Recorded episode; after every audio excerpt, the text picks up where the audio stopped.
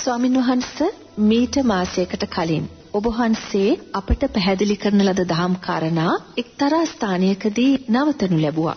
ඒ තමයි තරුණ පරපුර සහ ළමා පරපුර විවිධ විකෘතීන් වලට මේ සමාජයේ බඳුන්ව ඇති ආකාරය පිළිබඳව ඔබ වහන්සේ සමග අප සාකච්ඡා කළා. එතනදී මා ඔබ වහන්සේගෙන් විමසුවා තරුණ පරපුර සහ ළමා පරපුර මේ විකෘතියෙන් බේරාගන්නේ කොහොමද කියන ගැටලුව.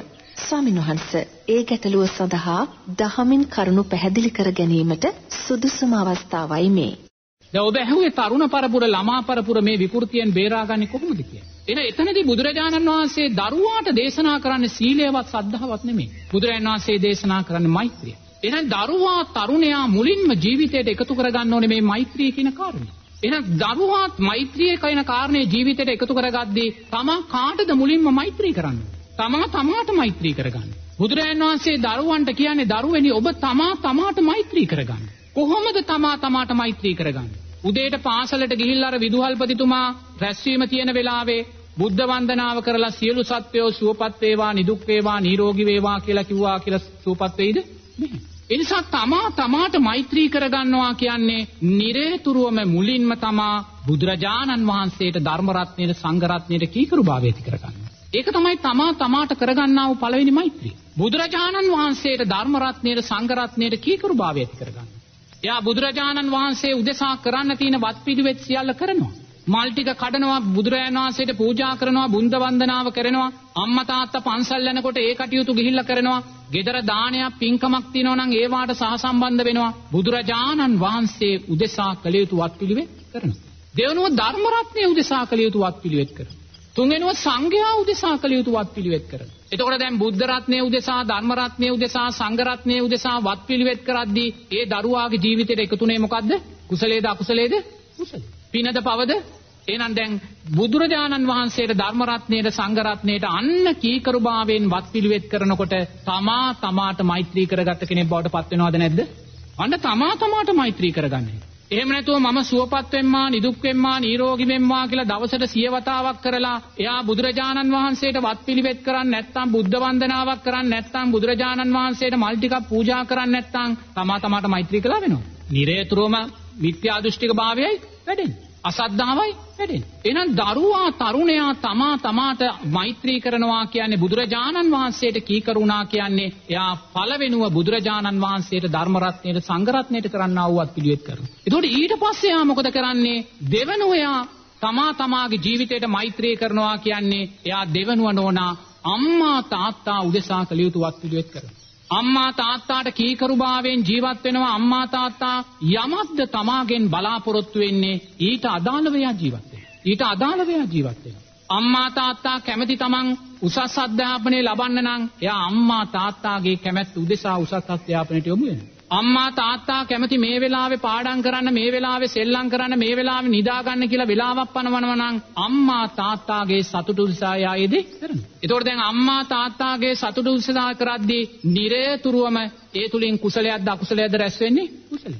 අන්න තමා තමාට මෛත්‍රී කරගත්තා වෙන්නේ. තමා තමාට මෛත්‍රී කරගනිද්දී අම්මා තාත්තාට අවංකව කීකරුභාවය නිසා අම්මා තාත්තාටත් අපි මෛත්‍රී පැතුරුවා වෙනවා. එහෙම නැත්නම් අම්මා තාත්තාට නිරතුරුව අපි අකීකරු වෙනවා නම් අම්මා එපා කියන දේ කරනවා නම් අම්මා අකමැති දේ කරනවා නම් ඒ කරන මොහොතක් පාසා තමනුත් අකුසලයේ තුල යනවා. අම්මා තාත්තාත් අකුසලයට යොමු අපි මෛත්‍රී කළා වෙනවද? නැහැ. ඒ නිසා නිරතුරුව මුලින්ම බුදුරජාණන් වහන්සේට ධර්ම රත්නයේ සංඝ රත්නයේ කළ යුතු වත් පිළිවෙත් කරන්න ඒ තමයි මුලින්ම ඔබේ ජීවිතයට ඔබ මෛත්‍රී කරගත්තා වෙන්නේ. දෙවන ඔබේ අම්මා තාත්තාගේ කැමැති කරන ආකාරයට අම්මා තාත්තා සතුටු කරන්න. අම්මා තාත්තා ගෙදර පිරිසිදුව තබා ගන්නවා කැමතිනම් ඔබේ පිරිසිදුව තියලා අම්මාව සතුටු කරන්න. අම්මා තාත්තා ඔබේ රෙදි ටික සෝදලා ඔබ සෝද ගන්නවා දකින්න කැමතිනම් ඔබ අම්මා තාත්තාට පේන්නේ රෙදි ටික සෝදලා අම්මා තාත්තාව සතුටු කරන්න. අම්මා තාත්තා ඔබේ පොත්‍රාක්කේ ලස්සනට තියාගෙන ඉන්නවා දකින්න කැමතිනම් ඔබ පොත්‍රාක්කේ ලස්සනට තියාගෙන අම්මා තාත්තාව සතුටු කරන්න. එහෙම කරද්දී නිරේතුරුවන්න අම්මා තාත්තාට උපස්ථාන කිරීම තුළ තමා තමාට මෛත්‍රී කරගත්ත කෙනෙක් බවට පත් වෙනවා. ඊළඟට බුදුරජාණන් වහන්සේ කියයි තුන්වෙනුවත් ගුරුවරයාට ගුරුවරියට මෛත්‍රිය පතුරවන. ඒ ගුරුතුමා ගුරුතුමියට මෛත්‍රිය පතුරවනවා කියන්නේ ගුරුතුමාට කීකරුභාවයෙන් අපි ජීවත්. ගුරුතුමා යමක් අපෙන් බලාපොරොත්තු වෙන්නේ බලාපොරොත්තු වෙන දෙයට අදාළව අපි ජීවත් වෙනවා. පන්තියේ කීකරුභාවයෙන් ජීවත් වෙනවා. ඒ කීකරුභාවයෙන් ජීවත් වෙද්දී අධ්‍යාපන කටයුතු හරියට කරද්දී ගෙදර වැඩ ටික හරියට කරලා දෙද්දී පාසලට යද්දී අපි නිවැරදිව ඇඳගෙන පැළඳගෙන කොණ්ඩේ පීරලා ලස්සනට යද්දී ඒ තුලින් ගුරුතුමාට ගුරුතුමීට සතුටක්ද ඇති වෙන්නේ දුකක්ද? එතකොට අපි ගුරුතුමාට ගුරුතුමීට මෛත්‍රිය පැතුරුවා වෙනවද නැද්ද? ඒ මෛත්‍රිය පැතුරීම නිසා අපිට කුසලයක්ද අකුසලයක්ද ලැබෙන්නේ? විවිධ කුසලයක්. නමුත් වර්තමානයේ මේ සෑම දෙයක්ම කන පිට පෙරදිලායි තියෙන්නේ. බුදුරජාණන් වහන්සේට ධර්ම රත්නයේ සංඝ රත්නයේ කරන්න තියෙන යුතුයකම් දරුවන් තරුණයෝ කරනවා අඩුයි. ඒ නිසා නිරේතුරුව අපි අකුසලයක් කරගන්නවා. ඒ නිසාම අපි අපිට මෛත්‍රිය කරගත්තේ නැති කෙනෙක් බවට පත්. දෙමාපියන්ගේ හිත රිද්දනවා නිසා ඒ හිත රිද්දන නිසාම ඒ නිසා දෙමාපියනුත් අකුසලයට යවලා අපිත් අකුසල් කරගන්න කෙනෙක් බවට පත් වෙනවා. ඊළඟට අපි නිරේතුරුව ගුරුතුමා ගුරුතුමීට අදාළව නෙමේ ජීවත් වෙන්නේ අකීකරු භාවයට පත් වෙනවා. ඒගොල්ලෝ අකමැති දේ කරනවා. ඒ නිසා නිරේතුරුවම අපිත් අකුසල් කරගන්නවා. ඒගොල්ලොත් අකුසලයට යොමු ගුරුතුමාට ගුරුතුමීට අපි නිරේතුරුවම සතුටෙන් තියෙන මොහොතක් පාසා ගුරුතුමා ගුරුතුමීගේ ජීවිතයටත් කුසල් පක්ෂය එකතු කළා අපේ ජීවිතයටත් අපි මෛත්‍රිය එකතු කරගත්තා වෙනවා. ඊළඟට මොකද්ද අපි කරන්න තියෙන්නේ? අපේ වැඩිහිටියන්ට මෛත්‍රිය පතුරවන්න. වැඩිහිටියන්ට මෛත්‍රිය පතුරනවා කියන්නේ කොහොමද? වැඩිහිටියන් කැමති වෙන ආකාරයට අපි ජීවත් වෙනවා. ඒකයි නැත්තම් අපි මෙතන ඉඳගෙන සියලු සත්වයෝ සුවපත් වේවා, නිදුක් වේවා, නිරෝගී වෙත්වා කියලා මේ වැඩිහිටියන් අරමුණු කරගෙන කොච්චර කිව්වත් කියලා සුවපත් වෙන්නේ නැහැ. මම සුවපත් වෙන්නෙත් නැහැ, ඒගොල්ලෝ සුවපත් වෙන්නෙත් නැහැ. අපි කොච්චර සුවපත් වේවා කියලා නෝනා සමාජයට ගිහිල්ලා අපි නොසලකිලිමත් ආකාරයට හැසිරෙනවා. නොසලකිලි ආකාරයෙන් ඇඳුම් පැළඳුම් අඳිනවනම් නොසලකිලි ආකාරයෙන් කතා බහ කරනවා නම් චර්යාවන් පවත්වනවා නම් වැඩිහිටියන් ඒවා දැකලා සතුටු වෙනවද දුක් වෙනවද? එහෙනම් අපි ඒගොල්ලන්ට මෛත්‍රී පැතුරුවා වෙනවද?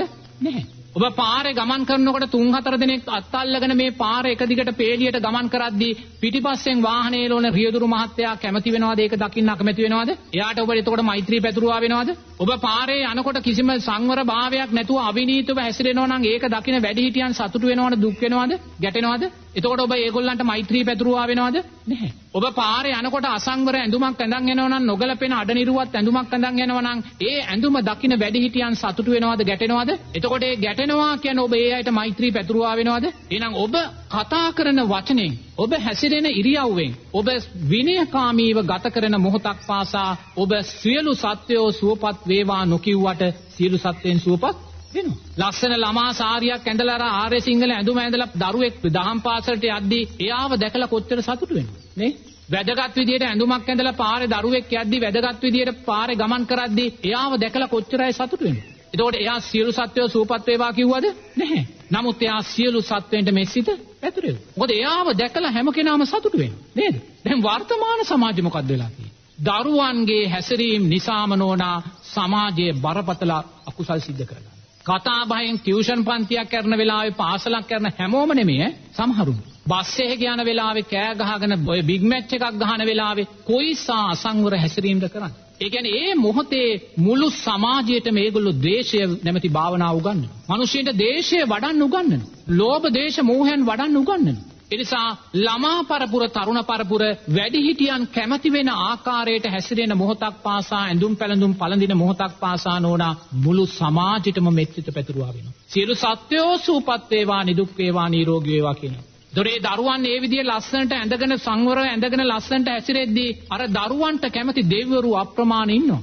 ඒ අය සතුටු වෙනවා. දැන් පාසලක් ගත්තොත් ඒ පාසලේ ළමයි ගුරුවරු විතරක් නෙමෙයි ඉන්නේ. ඒ පාසලේ ඉන්නවා අතීතයේ පාසලේ උගන්වපු ටීචර්ලා සර්ලා මිය ගිහිල්ලා මේ දරුවෝ උපාදානය කරගෙන පාසල උපාදානය කරගෙන රුක් දෙවිවරුලා දෙවිවරු වෙලා අප්‍රමාණ ওই පාසල් බිම් වල ඉන්නේ. පාසලේ ඉන්න ගස් වල ඉන්නේ. අපි දකින්නේ ගහ විතරයි නමුත් මේ ගහේ ඉන්නවා අප්‍රමාණ ටීචර්ලා සර්ලා මැරිලා ගිහිල්ලා දෙවිවරු වෙලා උපත්ය සකස් කරගෙන. ඒගොල්ලෝ ඉස්කෝල කාලේ අවුරුදු 25ක් 30ක් මේ පාසල උපාදානය කරන් දරුවෝ උපාදානය කරන් ජීවත් වුණා වගේ මැරෙන මොහොතේ මේ උපාදානය සකස් කරගෙන අර ගහේ දෙවියෙක් වෙලා දිව්‍යාංගනාවක් වෙලා ඉපදිලා අරවා දැකලා සතුටු වෙනවා. දරුවෝ දිහා දැකලා සතුටු වෙනවා. එතකොට මේ දරුවෝ වැරදි විදියට හැසිරෙනවා නම් වැරදි විදියට කතා බහ කරනවා නම් පරිසරය විනාශ කරනවා නම් ශිෂ්‍යයින් සමග ගැටෙනවා නම් ටීචර්ලාට අකීකරු වෙනවා නම් අර දෙවියනුත් අර ගස්වල ඉඳගෙන ගැටෙනවා. එතකොට අපි මේ දිව්‍යයන්ට මෙත්සිත පැතුරුවා වෙනවද? අමනුෂ්‍යයන්ට මෙත්සිත පැතුරුවා වෙනවද? නැහැ. දරුවන් තමාගේ ගත කරන ජීවිතේ ළමා ජීවිතයට අදාළව ගත කරන මොහොතක් පාසා තෙරුවන්ට කීකරුව දෙමාපියන්ට කීකරුව ගුරුවරුන්ට කීකරුව ගත කරන මොහොතක් පාසා අපි නොදන්නවාට නෝනා අපි සියලුම දෙවියන්ට අමනුෂ්‍යයන්ට යක්ෂයන්ට මෙත්සිත පැතුරු දරුවෙක් බවට පත් වෙනවා. නමුත් එයා තාම සියලු සත්වයෝ සූපත් වේවා කියලා කටින් කිව්වේ නැහැ. නමුත් වර්තමානයේ නෝනා කටින් කියනවා සියලු සත්වයෝ සූපත් වේවා කියලා දසදහස් වාරයක්. නමුත් සියලු සත්වයෝ සූපත් වෙන විදිහට ඇසිරෙන්නේ නැහැ. දැන් භික්ෂුවක් හැටියට මාව දකිද්දී නෝනා මිනිස්සෙක් වේවා දෙවියෙක් වේවා අමනුෂ්‍යෙක් වේවා මන් දන්නවා සතුටු වෙනවායි කියන කාරණේ. නමුත් මට සියලු සත්වයෝ සූපත් වේවා කියන්න අවශ්‍ය නැහැ. මගේ හැසිරීම තුළ සියලු සත්වයෝ සූපත් වෙන ස්වභාවයට පත් කරන්නයි බුදුරජාණන් වහන්සේ උතුම් ප්‍රාතිමෝක්ෂ සීලය අපිට දෙන්නේ. බුදුරජාණන් වහන්සේ උතුම් ප්‍රාතිමෝක්ෂ සීලය අපිට දීලා මේ සීලය තුල ශක්තිමත් වෙන්න කියන්නේ අමුතුවෙන් මෛත්‍රිය වඩන්න නෙමෙයි. ඒ ප්‍රාතිමෝක්ෂයේ අර්ථය තුල ශක්තිමත් වෙන භික්ෂුව දකිද්දී දෙවියන්, මිනිස්සෙයින්, අමනුෂ්‍යයින්, බ්‍රහ්මීන් සියලු දෙනාම සතුටු වෙනවා. එතකොට අපි නිරතුරුවම සෑම නිමේෂයකදීම සෑම තප්පරයකදීම සියලු සත්වයින්ට දස දිසාවටම මෙස්සිත පතරෝබු භික්ෂුවක් බවට පත් වෙනවා. එහෙනම් ඔබට පුළුවන් සියලු සත්වයෝ සූපත් වේවා නොකියුවත් ඔබ රාජකාරියක් කළත් ඔබ පාසලක ඉගෙන ගත්තත් ඔබ අධ්‍යාපනය ලැබුවත් රාජ්‍ය පාලනය කළත් ඔබ බුදුරජාණන් වහන්සේ දේශනා කළ ධර්මයට අදාළව ජීවත් වෙන මොහොතක් පාසා සියලු සත්වයින්ට මෙත්සිත පැතුරුවා වූ කෙනෙක් බවට පත් වෙනවා. ඊළඟට බුදුරජාණන් වහන්සේ නිරේතුරුව වැඩිහිටියන්ට මෙත්සිත පතුරුවාට පස්සේ බුදුරජාණන් වහන්සේ දරුවන්ට කියනවා පරිසරයට මෙත්සිත පතුරවන්න කියලා. පරිසරයට මෙස්සිත පතුරවන්න කියන්නේ මේ ගස් කොළන් දිහා බලලා කොච්චර සුවපත් වේවා සුවපත් වේවා කිව්වත් මෙස්සිත පැතිරෙන්නේ නැහැ. ඒ නිසා දරුවෙක් පරිසරය ආරක්ෂා කරන මොහොතක් පාසා එළියට දාන කොළ කෑල්ලක් යෝගට් කෝප්පයක් අපවිත්‍ර කරන මොහොතක් පාසා ඔබ නිරේතුරුව පරිසරයට වෛර කළා වූ කෙනෙක් බවට පත් වෙනවා. බුදුරජාණන් වහන්සේ කියනවා මේ සෑම ගසකම අදුග්‍රහිත දෙවියෙක් ඉන්නවා අමනුෂ්‍යෙක් ඉන්නවා කියලා. ඔබ මේ ගස් කොළන් වල අතු කඩනකොට කොළ කඩනකොට ගස් කොළන් අපවිත්‍ර කරනකොට පරිසරය දුර්වල කරනකොට නිරේතුරුව මේ දෙවියන් ගැටෙනවා. ගැටිලා නිරේතුරුව දෙවියන්ගේ ද්වේෂයට ක්‍රෝධයට ලක් වෙනවා. නමුත් ඔබ දරුවෙක් හැටියට තරුණෙක් හැටියට නිරේතුරුව පරිසරය සුරක්ෂිත කරගන්නවා නම් ආරක්ෂා කරගන්නවා නම් අර දාන කැලිකසල දාන්නේ නැත්තම් කෙල ටිකක්වත් පරිසරයට නොදාන තරමට තමන් සතිය සිය සකස් කරගන්න මොහොතක් පාසා නෝනා අන්න පරිසරයට මෙස්සිත පැතුරුවා වෙන්නේ. ඒ පරිසරයට මෙස්සිත පතුරද්දි මොකද වෙන්නේ? අර පරිසරයේ ගස් කොළන් පරිසරය ආශ්‍රිතව ජීවත් වෙන ඉරට අධිග්‍රහිත දෙවියෝ ඉන්නවා. සඳට අධිග්‍රහිත දෙවියෝ ඉන්නවා. බලාකුළු වලට අධිග්‍රහිත දෙවියෝ ඉන්නවා. සුළඟට අධිග්‍රහිත දෙවියෝ ඉන්නවා. මේ වැස්සට අධිග්‍රහිත දෙවියෝ ඉන්නවා. මේ සෑම කෙනෙක්ගේම ආශිර්වාදය Tamanට ලැබෙනවා. ඒ ආශිර්වාදය ලැබෙද්දී නෝනා Tamanගේ ධර්ම මාර්ගයේ ගමන තව තව තව තව වැඩෙනවා. අධර්මයක් වැඩෙන්නේ නැහැ. කාමච්ඡන්දයන්ට හිත දුවන්නේ නැහැ. තීන මිද්ද උද්ධච්ච කුක්කුච්ච විචිකිච්ඡාවන්ට හිත දුවන්නේ නැහැ. නිරේතුරුව අවට පරිසරයෙන් එන්නා වූ අර නිරේතුරුව ලැබෙන්නා වූ සුබ සංඥාවන් නිසා තමාගේ ජීවිතයක් ප්‍රබෝධයටපත් වෙනවා. එසා බුදුරජාණන් වහන්සේගේ දරුවෙක්ගෙන් බලාපොරොත්තු වෙන්නේ ඔතනයි. සද්ධාව නෙමේ සීලය නෙමේ ඒක එතනින් පොඩ්ඩක් පල්ලෙහාට දාගන්න. මෛත්‍රියයි බුදුරජාණන් වහන්සේ දරුවෙකුට දේශනා කරන්නේ. මුලින්ම තෙරුවන් උදෙසාවත් පිළිවෙත් කරන්න. ඒ ඔබ ඔබට කරගන්නා වූ පළවෙනි මෛත්‍රිය. දෙවනුව දෙමාපියන් උදෙසාවත් පිළිවෙත් ඉටු කරන්න. දෙමාපියන්ට කීකරු භාවයට පත් වෙන්න. වර්තමාන සමාජයේ තරුණ පරම්පරාවේ තරුණ දරුවන්ගේ ලොකු දුර්වලතාවයක් මෙතන තියෙනවා. ඒ නිසා දෙමාපියන්ට මෙස්සිත පතුරවන්න දෙමාපියනුත් සතුටු වෙනවා තමන්ුත් සතුටු වෙනවා. ඊළඟට ගුරුවරුන්ට මෙස්සිත පතුරවන්න ගුරුවරුන්ට කීකරු භාවයෙන් ජීවත් වෙන්න. අකීකරු වෙන්න එපා. ළමයා කියන කෙනා අයිති දෙමාපියන්ට වෙන්න පුළුවන්. දරුවා අයිති දෙමාපියන්ට බව ඇත්ත. නමුත් නෝනා ඒ දරුවා අධ්‍යාපනය ලබලා බිහි කරන්නා වූ අනාගත ශාස්ත්‍රීය ලෝකයයිති ගුරුවරයාටයි.